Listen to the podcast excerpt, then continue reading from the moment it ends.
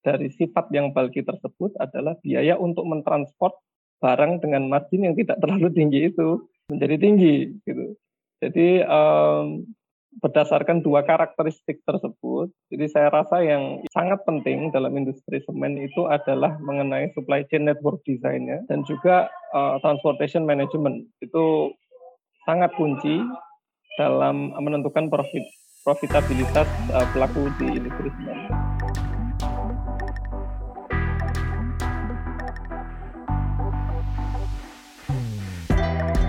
Halo sahabat LSM Podcast, welcome to LSM Podcast bersama saya Niken Anggraini Safitri. LSM Podcast adalah sebuah platform di mana kalian bisa mendengarkan obrolan yang fresh dan menarik seputar logistics dan supply chain management. Pada episode kali ini, kita akan membahas mengenai logistics and supply chain management di industri semen. Berbicara mengenai semen, saya yakin para sahabat LSM Podcast sebenarnya sudah familiar ya dengan produk ini karena sebenarnya produk ini adalah komoditas yang penting untuk pembangunan infrastruktur di Indonesia. Tapi saya yakin tidak semua sahabat LSM Podcast mengetahui seberapa kompleks logistik and supply chain management di industri semen. Nah, untuk mendali insight lebih dalam, kita sudah mendatangkan seorang expert di bidangnya yang akan berbagi dengan kita. Bersama kita sudah ada Bapak Niko Rizaldi Imron, CTIM dari PT Semen Indonesia. Selamat sore Pak Niko. Sore Bu Niken, makasih. Gimana kabarnya Pak Niko? Alhamdulillah uh, baik. Semoga yang lain juga baik.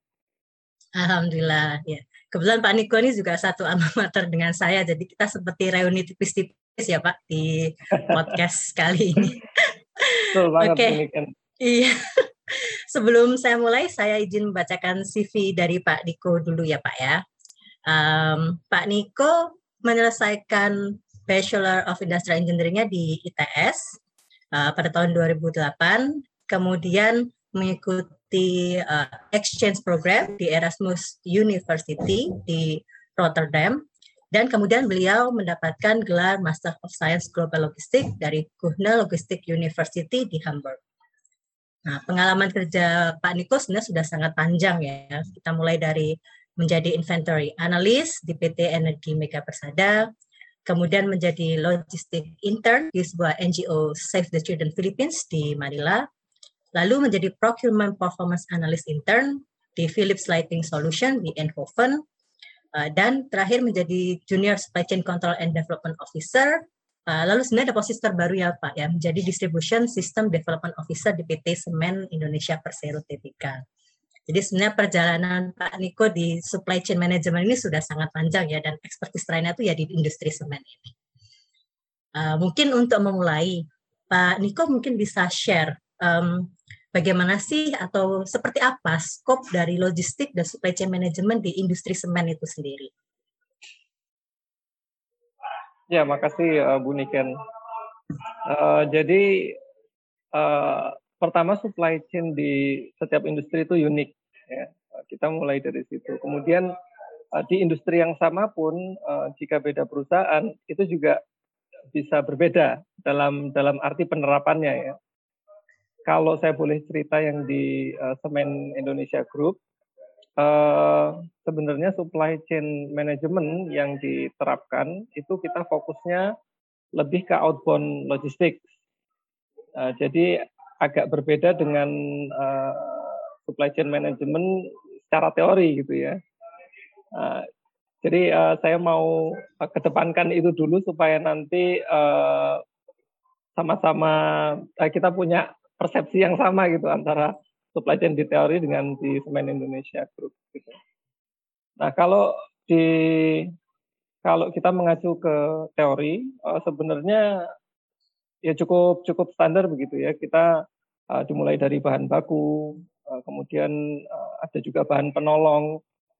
Nah, eh, yang menjadi karakteristik unik di industri semen itu kita berusaha mendekati di mana bahan baku itu berada. Ya karena kita perusahaan pertambangan gitu ya. Jadi kita aktivitas menambang itu adalah aktivitas yang cukup porsinya cukup besar begitu ya. jadi kalau diperhatikan pasti semua pabrik semen itu dekat dengan uh, lokasi tambang gitu ya, tambang batu kapur. Nah itu, jadi ada uh, bahan baku uh, yang yang sebagian besar kita tambang sendiri, kemudian ada bahan uh, penolong, kemudian ada proses produksinya, uh, kemudian ada inventory uh, manajemen juga uh, proses distribusi, dan distribusi ini di industri, industri semen juga uh, terbagi menjadi beberapa ya, ada yang kita distribusikan dalam bentuk uh, barang setengah jadi atau WIP dulu ya Mbak. Uh, Bu Niken maaf. Waktu kita di lab dulu ya uh, work in progress gitu ya. Uh, yaitu dalam bentuk klinker klinker itu adalah barang setengah jadinya semen. Itu uh, kita juga menjual uh, itu untuk diproses itu kita juga uh, mengirimkan semen dalam bentuk curah ke uh, packing plan packing plan kita yang tersebar di seluruh Indonesia. Dan uh, yang ketiga kita mengirimkan uh, barang jadi dalam bentuk sak sebagaimana kita lihat di toko-toko uh, bangunan. Itu mungkin uh, Bu Niken sebagai gambaran di awal. Lalu di dalam supply chain itu sendiri itu uh, siapa saja Pak yang terlibat? Artinya stakeholder atau mungkin entity uh, mungkin yang terlibat juga dengan pihak eksternal yang memang berpengaruh terhadap terhadap uh, efisiensi dari supply chain di semen di industri semen itu sendiri.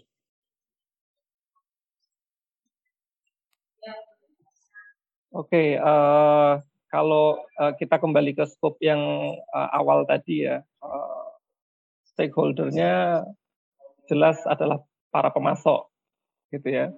Uh, selain pemasok yang kaitannya dengan uh, bahan baku maupun penolong, ada juga pemasok eh, barang-barang seperti spare part dan seterusnya. Itu saya kira di semua industri juga ada ya, barang-barang MRO, maintenance, repair maupun operation. Kemudian ada juga transporter, karena kita uh, bekerja sama dengan pihak ketiga dalam urusan mentransportasikan barang-barang kita ke pasar Uh, kemudian uh, dalam rantai pasok uh, semen itu juga masih ada distributor. Setahu saya uh, hampir semua juga masih memiliki distributor gitu ya. Jadi ada uh, tidak langsung dari uh, pabrik uh, langsung ke konsumen, tapi melalui uh, distributor. Uh, baru setelah itu uh, customer. Nah customer kita juga berdasarkan scope tadi ada beberapa tipe customer. Ada customer yang sifatnya uh, pabrikan, jadi kita mengirim uh, semen untuk uh, produksi precast, uh, industri uh, beton uh, precast itu ya. Uh, kemudian ada juga untuk customer project, kalau ada pembangunan uh, jalan tol atau infrastruktur tadi, uh, juga uh, customer kita yang di retail, yang uh, semen zak tadi kebanyakan. Nah, namun ada juga yang uh, cukup berpengaruh ya, uh, walaupun tidak secara langsung, tapi bisa sangat berdampak gitu ya. Yang pertama adalah uh, dari sisi pemerintah, dari pembuat kebijakan. Uh, sebagai contoh, uh, ada kebijakan yang sebenarnya sudah sudah cukup lama didengungkan gitu ya, uh, terkait pembatasan jumlah muatan Nah itu ini bisa jadi game changer ya karena uh, uh, dari sisi cost akan langsung membengkak gitu. Jadi uh, semua pemain di industri semen harus memutar otak gimana caranya ketika uh, aturan ini diterapkan uh, kita masih bisa uh, beradaptasi gitu dan dan tetap bisa uh, tidak terlalu membebani customer atas penambahan biaya tersebut. Dan uh, juga satu lagi barangkali stakeholder yang uh, harus dipertimbangkan dalam industri semen karena kita tadi juga uh, sifatnya uh, dekat dengan pertambangan gitu ya. Uh, itu biasanya ada dampak terhadap uh, masyarakat di sekitar pabrik. Kalau uh, dilihat biasanya uh, uh, ada aja gitulah apa respon dari uh, masyarakat sekitar. Makanya uh, di industri semen itu juga harus pintar-pintar uh, apa ya me, mengayomi masyarakat sekitar gitu sehingga untuk uh, sehingga jumlah konflik bisa diminimalkan dengan masyarakat sekitar. itu mungkin uh, Bu Niken stakeholder yang uh, di yang ada di industri semen. Oke Pak Niko, berarti memang uh, cukup banyak ya Pak stakeholder yang terlibat dalam supply chain uh, dan logistik dari industri semen yang cukup kompleks ini. Uh, lalu kira-kira uh, bagaimana strategi uh, untuk memaintain relationship dengan tiap stakeholder uh, yang tidak saling menyebabkan konflik antara satu sama lain? Bagaimana cara atau um, pendekatan yang dilakukan ketika memaintain relationship dengan stakeholder yang berbeda-beda? Iya, uh, ini pertanyaan yang uh, sederhana tapi jawabnya sulit. Jadi um, tentunya kalau dengan stakeholder yang jumlahnya uh, banyak, itu masing-masing memiliki interest yang berbeda-beda gitu ya dan kita uh, tentunya mesti paham apa interest dari masing-masing stakeholder. Nah, uh, mungkin dengan contoh kali ya lebih lebih mudah ya. Jadi untuk misal dengan masyarakat ya kita punya uh, unit khusus untuk itu ya, termasuk di dalamnya ada ada unit CS, CSR ya untuk memaintain relationship dengan masyarakat sekitar. Jadi uh, goals-nya adalah bagaimana uh, masyarakat sekitar itu mendapatkan value dengan adanya uh, pabrik semen di sekitar mereka. Gitu. Uh, misal dengan uh, membina UKM, dengan uh, menawarkan pinjaman modal dan seterusnya dan seterusnya, atau melakukan penghijauan atas atas uh, lahan yang digunakan untuk pertambangan dan dan seterusnya gitu ya. Jadi sehingga uh, mereka mendapatkan uh, tidak hanya merasa uh, wilayahnya itu dikuasai oleh industri, tetapi mereka juga mendapatkan value dari uh, adanya pabrik di sekitar mereka. Nah, untuk pemerintah ini memang memang agak tricky gitu ya, tapi bukan berarti kita tidak bisa melakukan atau memberikan feedback atau uh, influence itu uh, ada tim juga yang yang uh, berusaha uh, pertama dari dari pemerintah juga uh, tidak tertutup gitu ya. Mereka membuka ruang diskusi. Kemudian kita juga berusaha memberikan advokasi dari sudut pandang pelaku industri uh, uh, sehingga tidak tidak dirasa implementasinya ini terlalu berat. Misal kita sarankan oke okay, kita uh, setuju ada pembatasan muatan uh, hanya uh, mungkin lebih baik dilakukan secara bertahap. Katakan kita punya goal selama tiga tahun, di tahun pertama kita uh, batasi muatannya sekian persen, 50 persen misalkan, di tahun kedua 75, baru di tahun ketiga uh, 100 persen gitu. Jadi uh, pelaku industri juga memiliki waktu untuk merespon gitu, karena urusan uh, semacam itu dengan histori yang demikian panjang, tahu-tahu ada peraturan seperti itu perlu waktu untuk bisa merespon. Itu Bu Niken barangkali uh, sedikit contohnya. Baik, terima kasih uh, Pak Niko. Sedikit uh, contoh case itu mungkin bisa memberi gambaran kira-kira uh, seperti apa bagaimana uh, memanage uh, stakeholder yang berbeda-beda bisa dengan pendekatan yang berbeda-beda juga ya Pak ya, tergantung dari karakteristik stakeholder itu sendiri. Uh, baik, lalu kalau kita kembali lagi Pak uh, mengenai supply chain atau sistem logistik di industri semen.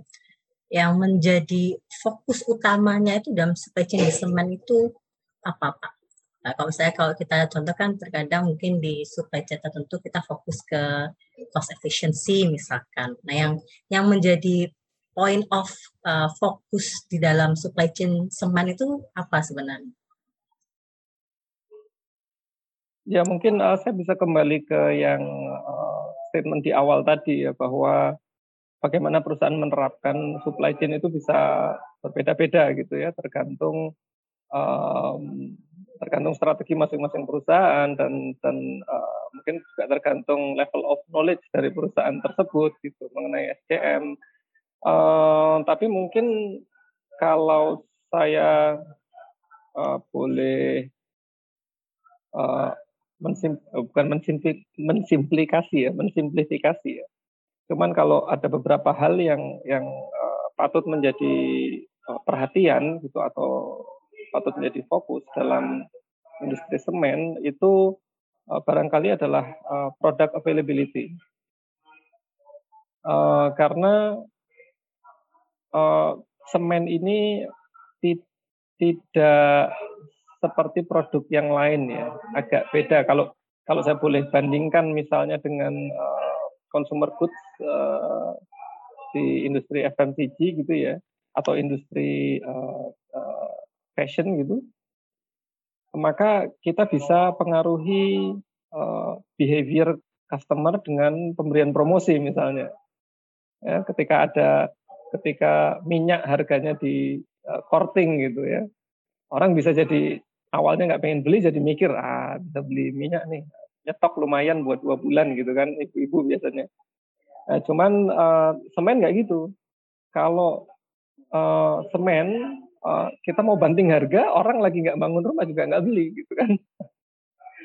Nah, uh, kita jadi uh, berusaha menebak kapan customer itu membutuhkan barang kita di pasar, gitu.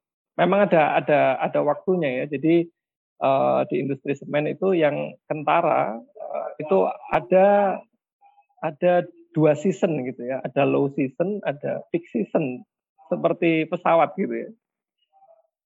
Uh, jadi uh, ada ketik ada saatnya ketika low season orang itu uh, atau jumlah pembangunan itu mungkin uh, cukup rendah gitu ya. Dan di peak season itu biasanya di bulan uh, Juli ke atas itu hingga Desember Januari itu uh, di peak season.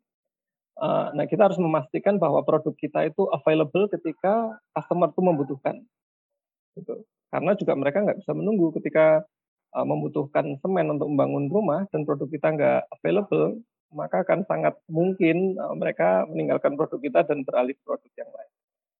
Jadi uh, itu mungkin produk availability itu uh, sangat penting dalam uh, industri semen. Oke, baik. Um, terima kasih, Pak Niko.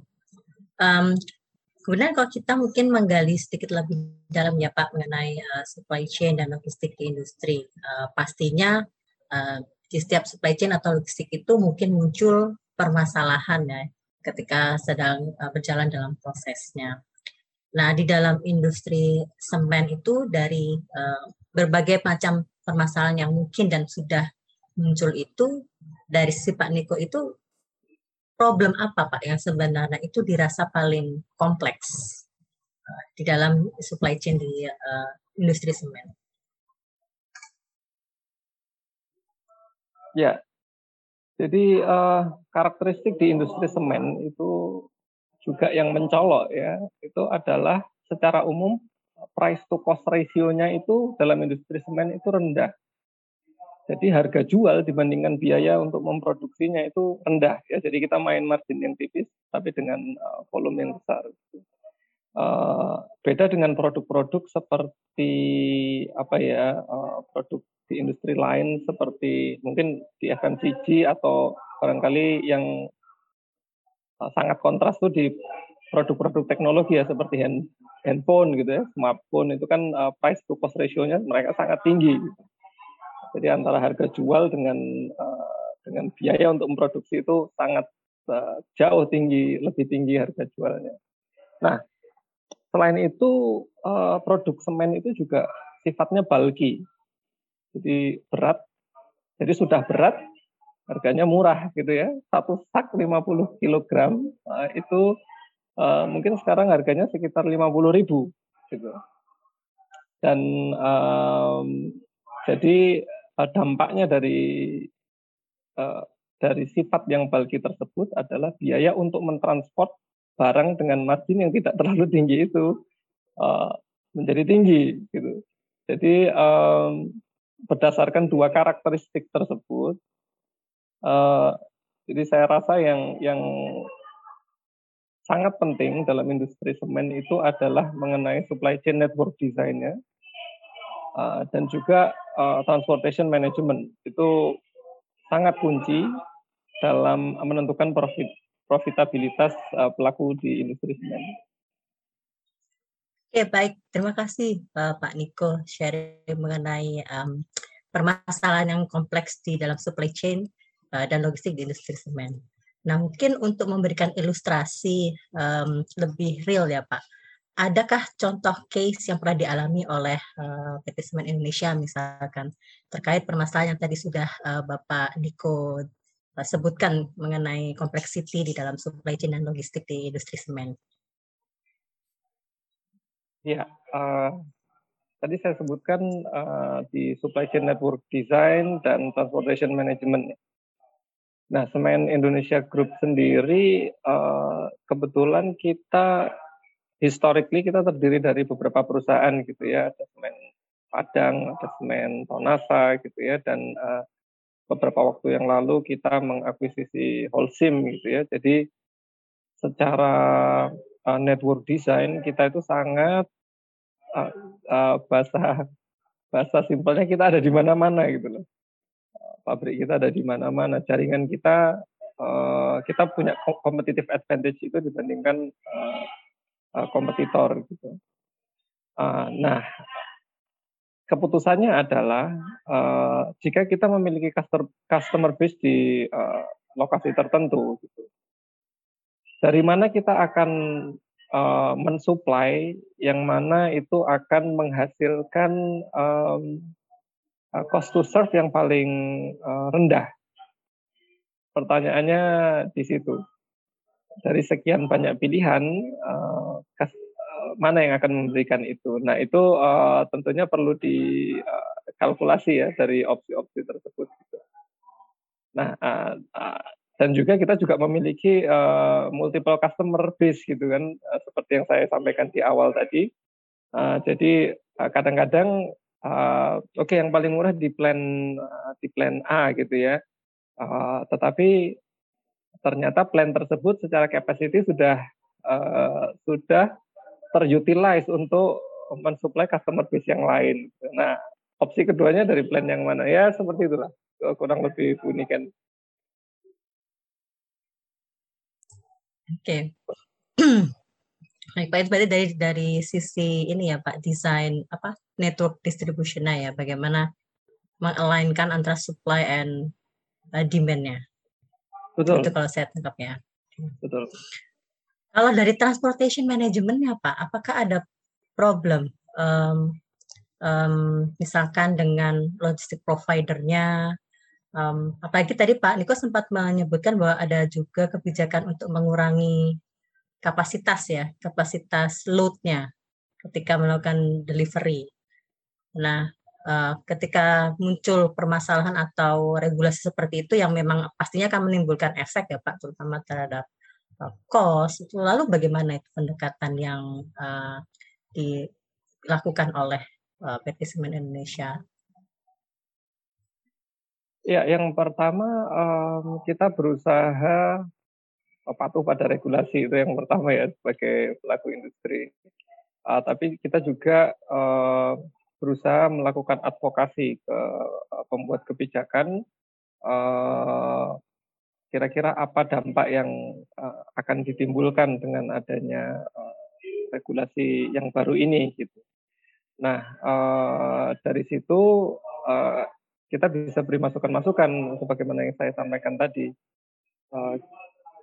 Jika memang itu tetap akan di, di apa diimplementasikan, barangkali kita bisa uh, atur uh, bagaimana tahapan-tahapannya gitu. Nah, untuk menyusun feedback-feedback semacam itu, kita uh, tentunya juga mendengar suara-suara dari pemain uh, uh, transporter ya, dari para transporter, uh, terlebih uh, mereka sudah ter, terbiasa gitu dengan dengan uh, pola bekerja yang ada sekarang, itu bahkan uh, tidak sedikit juga truk yang dimodifikasi sehingga dia bisa uh, memuat barang lebih dari muatan uh, aslinya begitu ya. Nah hal-hal semacam itu uh, perlu uh, sampai ke ke telinga para pembuat kebijakan gitu sehingga tidak serta merta uh, memiliki konsep uh, kemudian berusaha mengimplementasikan tanpa tahu bagaimana uh, dampaknya atau bagaimana sulitnya pelaku industri bisa melakukan uh, adaptasi gitu. gitu. Jadi uh, dalam hal ini diskusi dua arah sangat penting. Demikian. Ya, betul. Terima kasih Pak Niko. Memang di situasi pandemi ini memang kita dipaksa, khususnya para industri dipaksa untuk survive atau die. Ya, artinya memang um, inovasi itu menjadi salah satu kunci penting untuk bisa bertahan di uh, era pandemi seperti ini. Nah, untuk PT Semen Indonesia sendiri, itu adakah inovasi khususnya di bidang logistik ataupun supply chain management? uh, yang memang diterapkan di situasi pandemi ini yang justru akhirnya sekarang membuat PT Semen Indonesia itu malah malah maju gitu atau malah unggul dibandingkan dengan perusahaan sejenis lainnya. Ya, um, alhamdulillah uh, di SIG sendiri uh, sudah membangun uh, budaya inovasi itu cukup lama. Uh, sebagai contoh, perusahaan itu setiap tahun memiliki event uh, inovasi yang uh, berusaha menjaring inovasi-inovasi terbaik dari karyawan uh, yang juga dilombakan gitu. Nanti yang menang akan diapresiasi oleh perusahaan uh, dengan hadiah-hadiah uh, tertentu. Gitu ya. Jadi um, karyawan diberikan insentif untuk melakukan uh, inovasi sebanyak-banyaknya. Nah, untuk dalam lingkup supply chain dan logistik sendiri, uh, sebenarnya SIG sudah melakukan terobosan-terobosan sebelum uh, pandemi dengan fokus pada uh, dua hal ya. Yang pertama adalah meningkatkan visibilitas informasi di sepanjang rantai pasok dan yang kedua adalah uh, meningkatkan kecepatan dalam merespon perubahan di pasar. Nah, tentunya waktu kita menentukan ini itu kita sama sekali nggak nggak kebayang bahwa uh, akan terjadi pandemi gitu ya. Kita menentukan ini murni karena itu adalah need gitu ya dan dan uh, memang uh, itu best practice di supply chain gitu dan juga situasi pasar itu saat ini sudah uh, banyak sekali pemain dibandingkan dahulu gitu ya. Jadi uh, sempat mengarah ke price war uh, dengan banyaknya pemain yang masuk sehingga kita berusaha uh, bagaimana bisa merespon perubahan di pasar dengan dengan cepat gitu ya semakin dinamis kondisi di pasar nah ternyata terobosan terobosan tersebut juga uh, terbukti cukup relevan gitu dalam uh, menentukan kemampuan perusahaan beradaptasi selama masa pandemi. Nah, sebagai contoh, SIG sebelum pandemi berinvestasi pada software SNOP, ya, Sales and Operations Planning, yang memungkinkan uh, kami melakukan optimisasi cost berdasarkan perubahan pada parameter-parameter demand dan supply. Jadi um, kalkulasi yang sebelumnya uh, rumit gitu ya, kalau kalau dilakukan di Excel gitu ya, ketika ada perubahan parameter-parameter tersebut, Nah, sekarang kita bisa uh, lakukan itu dengan relatif cepat karena di software tersebut memiliki engine untuk melakukan optimize uh, optimization gitu. Nah, di contoh yang lain di sisi delivery kami juga uh, berusaha meningkatkan visibilitas informasi dengan mengimplementasikan sistem yang mampu uh, uh, melakukan uh, beberapa hal ya. Uh, sebagai contoh, uh, ada notifikasi kepada pihak penerima ketika barang itu dikirim atau kita kenal di uh, best practice itu sebagai advance shipment notice gitu ya. Jadi uh, penerima barang akan diinformasikan uh, sangat early gitu ketika barangnya sedang menuju ke mereka gitu. Harapannya tidak terjadi uh, antrian di tujuan atau bahkan field delivery menginap dan sebagainya yang mana itu akan sangat uh, membantu ya dalam uh, proses perputaran uh, kendaraan. Nah kemudian uh, kita juga memiliki kapabilitas, our system juga memiliki kapabilitas untuk melakukan tracking secara live yang sebelumnya kita tidak uh, punya. Uh, dan uh, bisa melakukan EPOD juga, Electronic Proof of Delivery gitu. Kalau yang sebelumnya semuanya paper dalam bentuk paper gitu ya, ada surat jalan ditandatangani, stempel bawa pulang gitu ya. Sekarang kita juga memiliki bentuk elektroniknya. Uh, dan kita juga mengimplementasikan semacam uh, early warning early warning system. Jadi sistem mampu memberikan alert jika ada uh, jika sistem membaca uh, ada potensi-potensi penyimpangan dalam proses pengiriman. Misalkan, uh, karena ini memang terjadi di uh, di industri kami ya, jadi ada oknum-oknum gitu yang berusaha memanfaatkan uh, lemahnya sisi visibilitas informasi ini. Jadi mereka katakan uh, harusnya ke titik uh, B begitu ya. Nah mereka sudah menurunkan barang di titik A, yang mana secara biaya itu lebih murah. Padahal kita bayar secara kos itu lebih mahal. Ada oknum-oknum yang yang memanfaatkan itu. Gitu. Jadi dengan ini semua kita bisa minima, minimalisir gitu ya adanya potensi-potensi uh, dulu mungkin hidden cost ya sekarang udah nggak hidden hidden amat gitu kita bisa tahu kalau uh, ada yang uh, berusaha memanfaatkan itu Bu Niken.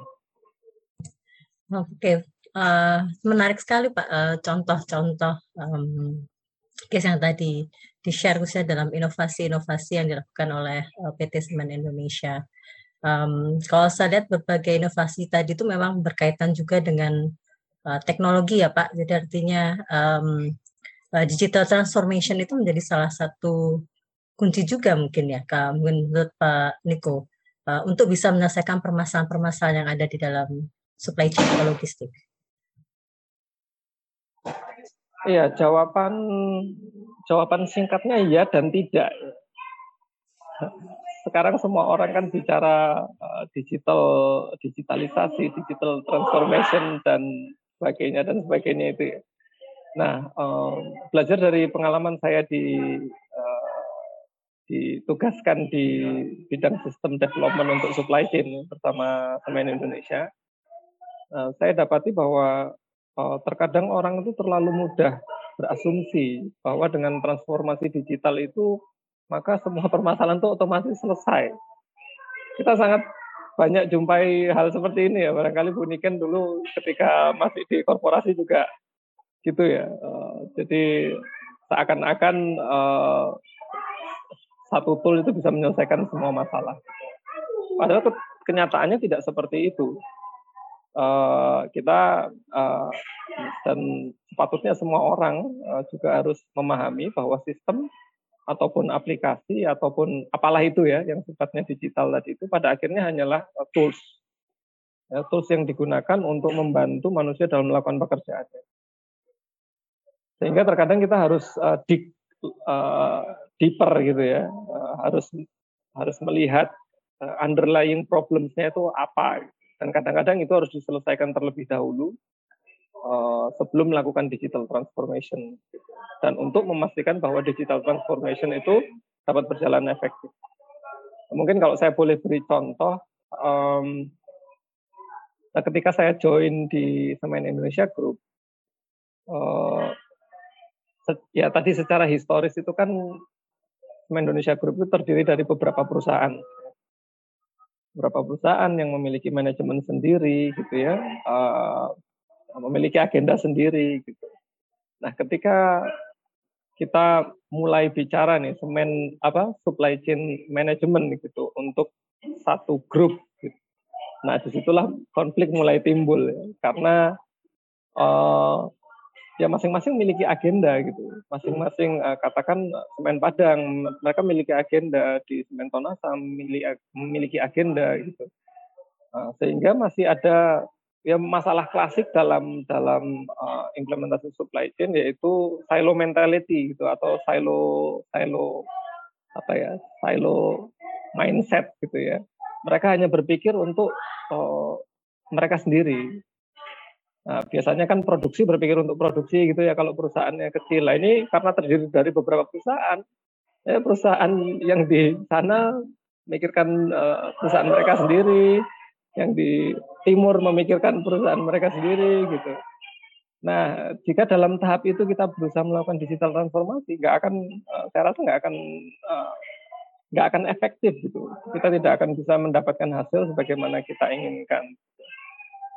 Nah, alhamdulillah uh, di tahun 2019 kita mulai lakukan apa proses sentralisasi begitu ya, di mana uh, secara organisasi itu jadi semua SCM itu ada di bawah holding gitu. Jadi komandonya adalah holding, bukan bukan lagi suara-suara di perusahaan-perusahaan uh, tadi. Gitu, ya. Nah, di sini kita baru mulai uh, bisa mengimplementasikan uh, digital transformation. Di, di di situlah uh, semua berawal ya. Jadi uh, ya alhamdulillah sejak sejak centralized itu kita uh, lebih leluasa untuk uh, mengimplementasikan uh, proses transformasi digital ke anak-anak perusahaan.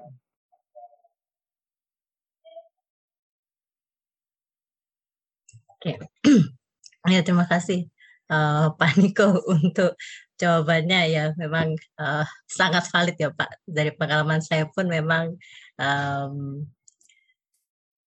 tools itu kadang dianggap sebagai solusi padahal akar permasalahannya mungkin belum ketemu gitu ya. Memang uh, dan kadang-kadang uh, mungkin perusahaan terjebak uh, untuk segera menggunakan solusi tersebut uh, dengan mengasumsikan bahwa semua pihak yang terkait sudah align padahal mungkin pada kenyataannya uh, belum sesuai dengan uh, apa yang diekspek oleh masing-masing pihak. Baik, uh, mungkin satu pertanyaan terakhir dari uh, saya Pak Niko uh, belajar dari pengalaman dan juga mungkin best practice yang sudah dilakukan di PT Semen Indonesia Group. Kira-kira apa yang harus dimiliki atau mungkin uh, dipersiapkan oleh perusahaan-perusahaan sejenis, misalkan perusahaan-perusahaan semen, agar mereka itu bisa uh, robust atau bisa survive ketika mereka mengalami uh, permasalahan uh, di dalam supply chain atau logistik mereka seperti misalnya yang sekarang ditimbulkan oleh uh, pandemi ini? Ya, uh, oke. Okay. Pertama mungkin saya mau memberikan sedikit note mengenai best practice barangkali ya. Karena sering kali saya jumpai uh, bahwa banyak orang itu uh, suka tercampur-campur gitu antara uh, apa yang mereka anggap best practice dan apa itu standar praktis itu dua dua hal yang berbeda gitu banyak orang berpikir bahwa standar praktis itu ternyata best practice nah standar praktis itu kalau kita uh, lihat definisinya adalah um, ini dan ini yang paling sering kita jumpai ya standar praktis itu ya proses yang dilakukan by default gitu atau memang uh, secara kebetulan begitu karena ada masalah uh, spesifik di perusahaan tertentu dan biasanya kita jumpai orang-orang bilang ya dari dulu memang seperti itu kok gitu. Dari dulu prosesnya seperti itu gitu kita tahunya itu gitu dan itu mereka anggap sebagai best practice di perusahaan uh, tersebut nah jika uh, padahal uh, standar practice itu uh, tidak memberikan apa Eh, cost advantage maupun competitive advantage dibandingkan katakanlah best practice. Nah, sekarang uh, ke definisi best practice. Nah, best practice itu uh, secara definisi uh, atau ciri-ciri ya, best practice itu uh, dia sifatnya current gitu ya, atau kekinian kalau bahasa anak-anak sekarang ya. Jadi uh, di, dipraktikkan di masa kini, kemudian dia uh, uh, repeatable gitu ya, repeatable bisa diulang selama kita mengikuti langkah-langkah uh, sesuai best practice tersebut. Kemudian structure dia terstruktur dengan baik gitu salah satu cirinya best practice itu dia terstruktur dengan baik. Dan memang ada pihak-pihak yang menstrukturkan itu gitu. Makanya itu namanya best practice. Dan yang terakhir best practice itu proven gitu. Proven untuk memberikan benefit yang signifikan uh, terhadap performance. Nah uh, ini yang yang orang sering sering tercampur ya antara standar practice dan best practice.